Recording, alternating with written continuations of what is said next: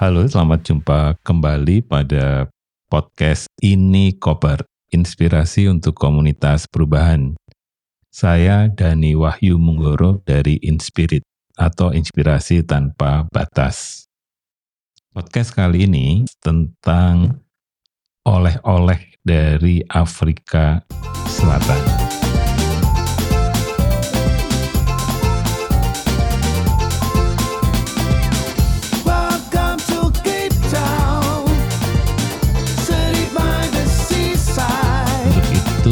Hari ini saya ditemani guest egalitarian dari rumah Inspirit.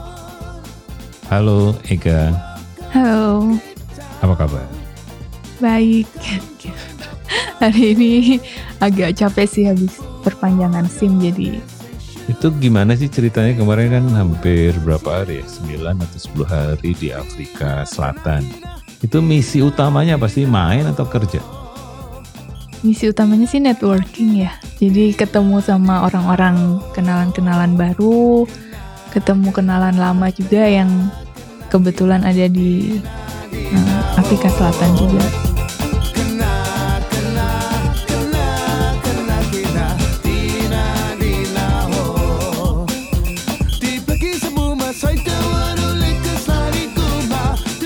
Apa kesan yang dalam tentang Afrika Selatan? Uh, kesan yang paling dalam. Kalau Afrika Selatannya dingin. Jadi agak beda ya. Karena di sana terik mataharinya tuh panas banget gitu. Cuma udaranya tuh dingin banget. Jadi uh, buat aku yang nggak tahan dingin itu jadinya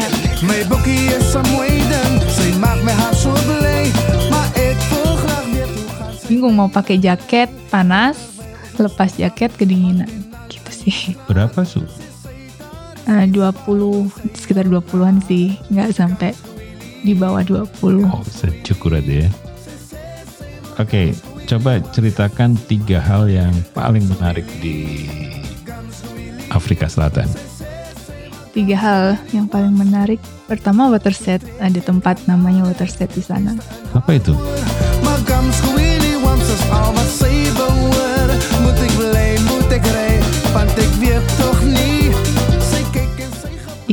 Itu sebenarnya tempat kita belanja oleh-oleh sih. Tapi di sana tuh lengkap gitu ya. Jadi kayak semacam hub kecil. Itu uh, hub miniatur sih, bukan hub kecil.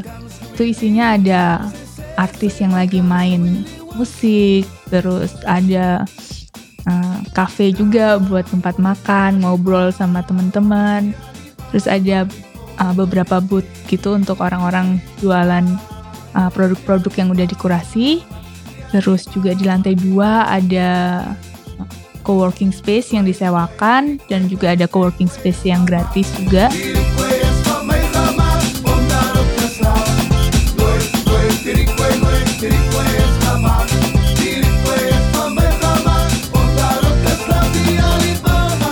dan ada escape room juga di sana. Itu bukannya sama seperti pasar raya ya di Indonesia? Iya sama sebenarnya sih mirip pasar raya tapi di sana lebih terkoordinir gitu dan uh, desain uh, tata ruang terus uh, produk-produk yang dijual di sana makanan spot-spotnya tuh ada itu benar-benar lebih dipikirin sih jadi ada healing spot ada juga um, art artistik gitu. Healing spot. Apa itu healing spot?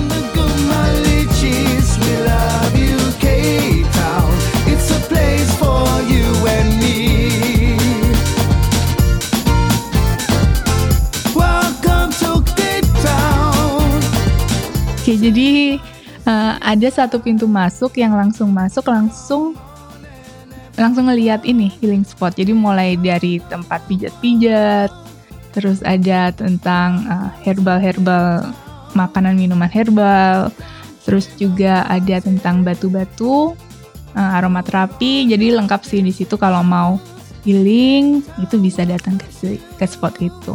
Itu perasaan saya pernah tertipu tuh di tempat itu ya.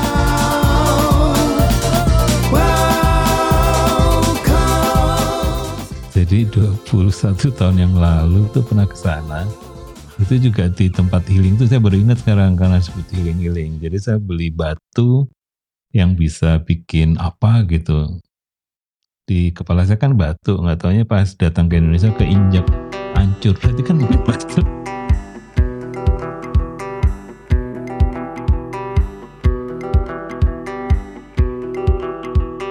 Kalau di sana justru uh, aku belajar ini sih apa resonansi antara personal dan batu gitu. Jadi dari aromaterapi yang udah dibuat khusus dari batu-batuan itu beragam jenis batuan, kita bisa lihat yang resonansi sama kita itu batu yang mana.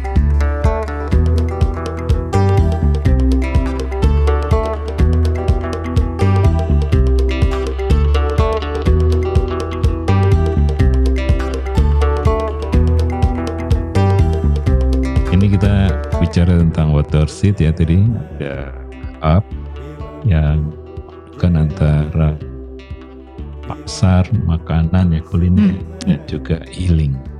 Ada tempat main juga. Ada tempat escape main. room. Sekarang yang kedua apa? Kedua Table Mountain. Table Mountain. Hmm. Gimana tuh? Kenapa itu menjadi sesuatu yang menarik? Yang pertama pasti uh, gunungnya beda ya sama yang di Indonesia. Walau nggak pernah naik gunung gitu, tapi uh, dari foto-foto yang aku lihat tuh emang suasananya beda gitu dan uh, di sana semacam karang-karang gitu ber, uh, ber, ber, ber, berbatuan gitu di atas. Jadi kita naiknya juga nggak, aku nggak milih yang hiking tapi milih naik nah, gondola gitu ya, cable car. Jadi cuma lima menit aja kita udah sampai di puncak.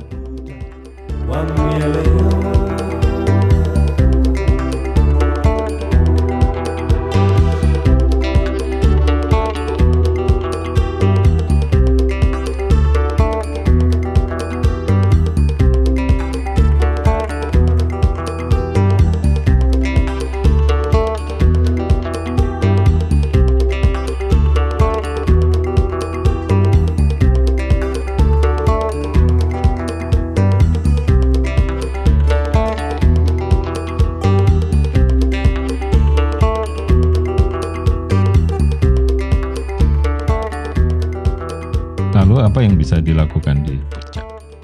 Uh, di puncak tuh kita bisa foto-foto gitu ya. Ada rute jalan juga kalau mau olahraga yang uh, panjang. Terus ada juga hmm, tempat makan di atas. Ada di sana sih aku ketemu orang-orang turis-turis lain gitu ya. Jadi aku nggak ngerti apakah karena kita semua emang lagi ada di lokasi yang baru gitu ya. Jadi kita terbuka sama orang yang kita lihat gitu. Jadi kayak uh, saling sapa aja, terus ngobrol dari mana, terus uh, udah ke mana aja. Jadi kayak di atas tuh uh, semuanya bisa gampang gitu kalau mau ngomong sama orang yang belum dikenal.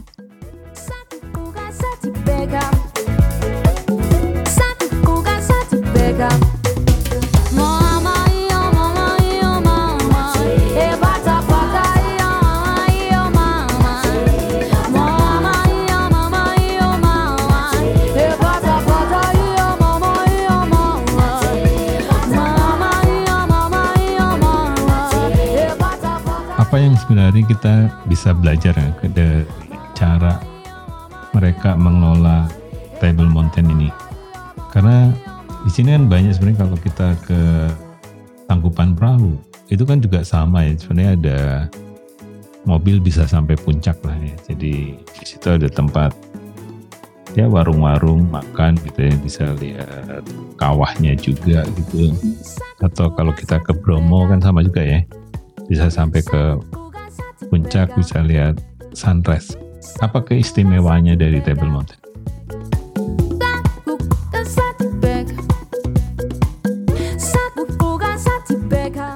Kalau yang bikin milih ke sana sih pasti brandingnya ya. Hmm. Jadi nama Table Mountain tuh udah kayak kalau nggak ke Cape Town eh kalau nggak ke Table Mountain tuh belum ke Cape Town gitu. Jadi uh, mau nggak mau itu pilihan pertama yang terpikir pasti di kepala kalau kita di Cape Town.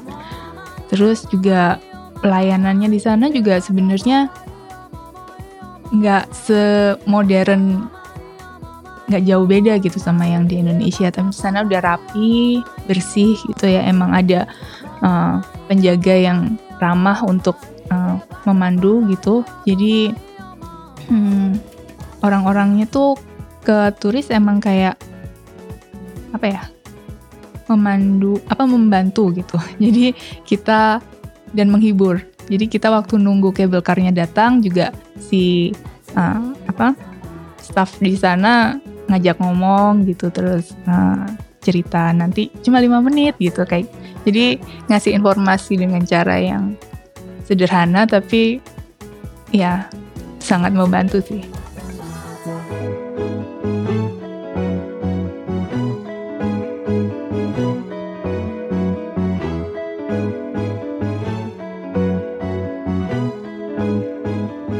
Oke, jadi itu cerita tentang Table Mountain. Saya juga pernah tuh 21 tahun yang lalu ke sana dan dan itu memang car batu ya, batu ya. Mm-mm. Saya lupa, bukannya mobil bisa sampai atas. Sampai ini sampai tempat naik cable car. Oh kalau gitu, Pak apa naik cable car atau Oke lah kita Table Mountain satu yang sangat ikonik ya di Cape Town. Jadi itu pasti orang ke sana lah kalau ke Cape Town ya karena kelihatan betul ya kalau Mm. pemandangannya tuh ke laut dan kalau sebaliknya tuh ke Table Mountain. Dan ini juga pemandangan. Mungkin mereka milih milih posisi cable car-nya tuh pas banget gitu. Jadi waktu naik ataupun turun pemandangannya bagus banget di sekitarnya. Jadi walaupun 5 menit tuh nggak nggak rugi lah bayar cable car. Oke jadi saya ingat-ingat saya naik cable car kalau gitu. Oke. Dan cable car-nya muter jendelanya. Oh iya, iya. Tuh. jadi ingat. Maaf ya lupa banget. Pernah ke sana cuma serba lupa. Yang ketiga apa?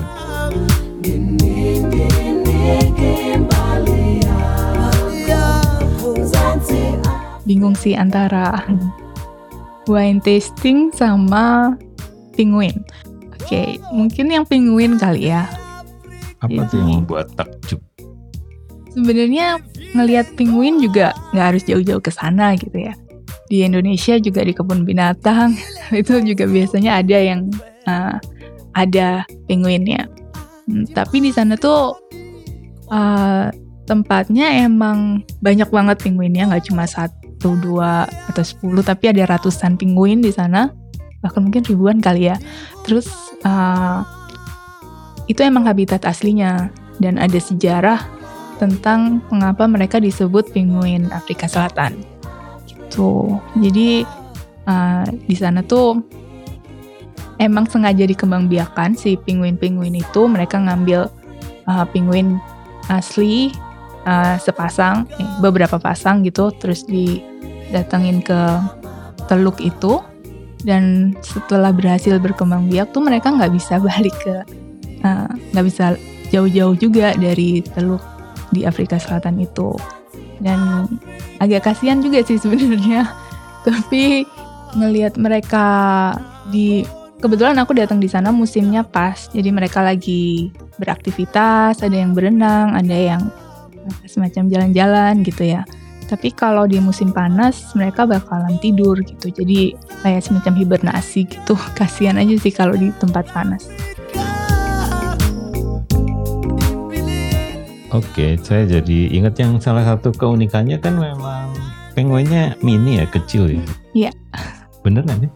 Iya kecil Kecil. dibandingin dibanding penguin yang uh, di kutub ya tapi ya tetap tetap ya nggak nggak kecil-kecil mini banget sih sebenarnya kalau dilihat langsung.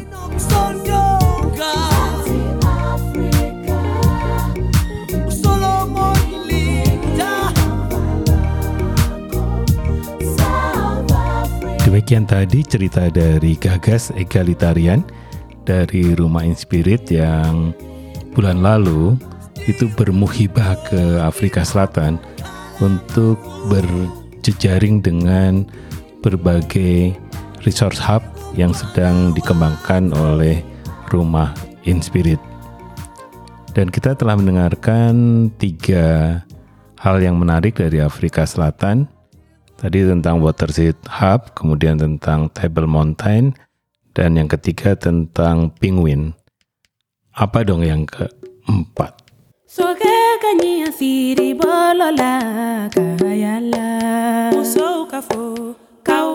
Uh, sebelum itu sebenarnya Penguin juga branding. Kalau aku belajar dari pengalaman di Cape Town kemarin, kayaknya mereka jago banget branding. Tuh banyak banget yang uh, bisa dipelajari gitu dari Penguin maupun Table Mountain.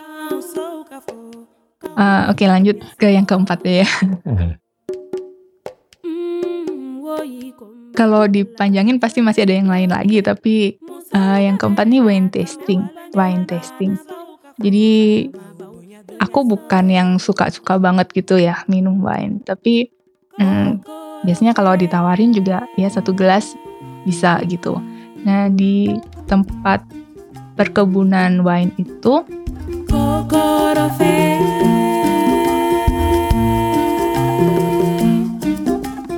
perkebunan anggur uh, emang tasting tuh jadi langsung beberapa botol gitu kan. Tapi masing-masing botol cuma satu gelas yang nggak penuh-penuh banget gitu. Mungkin sekitar sepertiga gelas gitu ya. Jadi aku nyoba empat jenis ini empat jenis wine. Ada yang merah ada yang uh, putih gitu campuran. Nah cuma yang menarik itu orang yang menjelaskannya gitu. Jadi kalau uh, minum ataupun makanannya enak dan tempatnya juga bagus itu mungkin nggak seberkesan kalau yang cerita nggak menyenangkan gitu. Jadi uh, aduh kenapa aku lupa namanya ya? Tapi nama si pelayan yang uh, ngasih tahu tentang wine yang kita uh, cicip itu itu sangat personal gitu ceritanya jadi dia sangat suka dengan wine gitu. Jadi waktu cerita tuh energinya kerasa banget gitu. Jadi bahkan uh, dia juga bercanda-bercanda sama kita gitu. Terus ngasih bonus, ngasih uh, dia pengen aja berbagi gitu apa yang dia sukain ke orang yang sedang datang gitu.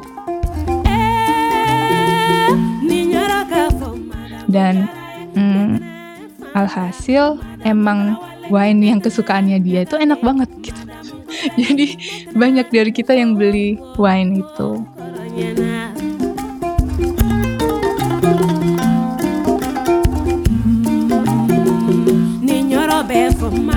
Terima kasih Ega untuk cerita-cerita yang luar biasa ini baru cerita-cerita ringan sebagai awalan untuk cerita apa yang sebenarnya sedang dikembangkan oleh kawan-kawan di Rumah Inspirit kaitannya dengan pengembangan communication resource hub di dunia yang berjaring dengan kawan-kawan di Afrika, Asia, dan Amerika Selatan.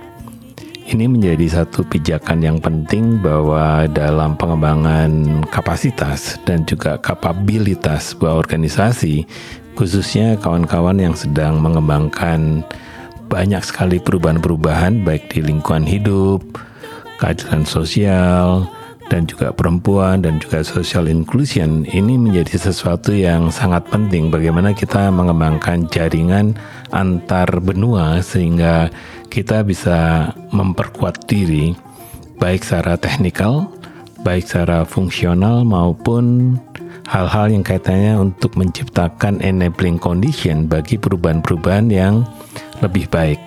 Harapannya adalah pada ini koper kita akan selalu berbagi apa saja untuk bisa mengembangkan satu kapasitas, tapi yang kedua adalah capability. Nah, capability dan kapasitas itu akan menjadikan orang, organisasi, dan juga komunitas itu menjadi orang-orang yang merdeka untuk menentukan nasibnya sendiri, kesejahteraannya sendiri. Pilihan-pilihan itulah yang sebenarnya menjadikan kita lebih demokrasi, ya, lebih demokratik dan juga lebih sustainable. Demikian isi ini koper kali ini. Sampai jumpa pada edisi berikutnya. thank you